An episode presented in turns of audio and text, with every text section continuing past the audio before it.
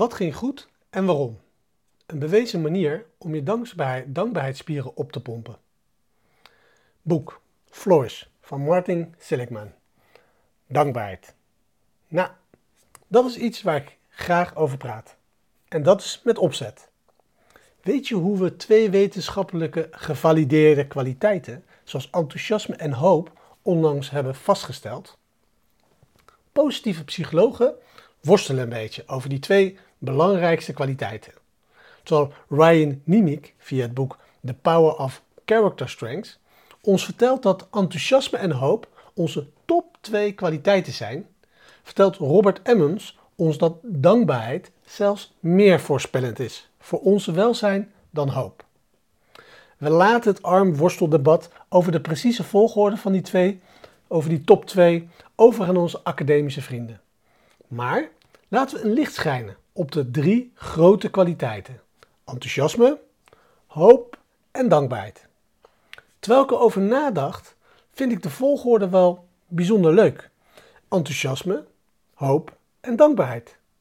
We optimaliseren onze energie zodat we met enthousiasme ons beste werk kunnen doen. En enthousiasme is nog steeds de onbetwiste nummer 1 kwaliteit. Alhoewel ik zou zeggen dat het technisch wordt bereikt als een bijproduct van wijsheid. Plus zelfbeheersing, delen door discipline op de basisprincipes.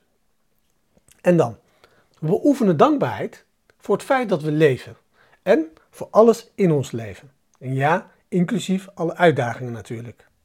En dan, we beoefenen hoop zodat we een betere toekomst zien via een specifiek doel dat ons inspireert en wetende dat we het kunnen waarmaken en wanneer we een plan maken om het te doen. Enthousiasme, hoop, dankbaarheid. Voeg daar liefde en nieuwsgierigheid bij en je hebt een mooie top 5. Maar dat is niet helemaal waar ik het vandaag over wil hebben. Vandaag wil ik het hebben over wat ging er goed en waarom. En dat is een dankbaarheidsoefening waar ik niet zo lang geleden naar verwees. Het is een van de best aanbevolen werkwijzen van Robert Emmons. Hier is hoe Martin Seligman het in zijn boek Floors verwoordt. Elke nacht voor de komende week reserveer 10 minuten voordat je gaat slapen. Schrijf drie dingen op die vandaag goed gingen en waarom ze goed gingen. Je kan een dagboek of jouw computer gebruiken om over deze gebeurtenissen te schrijven. Maar het is belangrijk dat je een fysiek verslag hebt van wat je hebt geschreven. De drie dingen hoeven niet wereldschokkend te zijn. Mijn vrouw heeft vandaag mijn favoriete ijsje opgehaald als toetje op weg naar huis van haar werk. Maar ze kunnen belangrijk zijn. Mijn zus is net bevallen van een gezonde jongen. Beantwoord naast elk positieve gebeurtenis de vraag: waarom is dit gebeurd? Als je bijvoorbeeld schreef dat jouw vrouw een ijsje heeft gekocht, schrijf dan omdat mijn vrouw soms heel attent is. Of omdat ik eraan dacht om haar te bellen vanuit het werk en haar vroeg om langs de supermarkt te gaan. Of als je schrijft, mijn zus heeft een gezonde baby gekregen, zou je als oorzaak kunnen kiezen.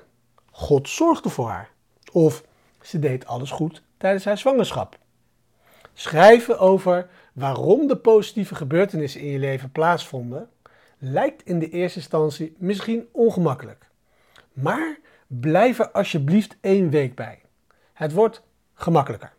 De kans is groot dat je over zes maanden minder depressief, gelukkiger en verslaafd aan deze oefening zult zijn.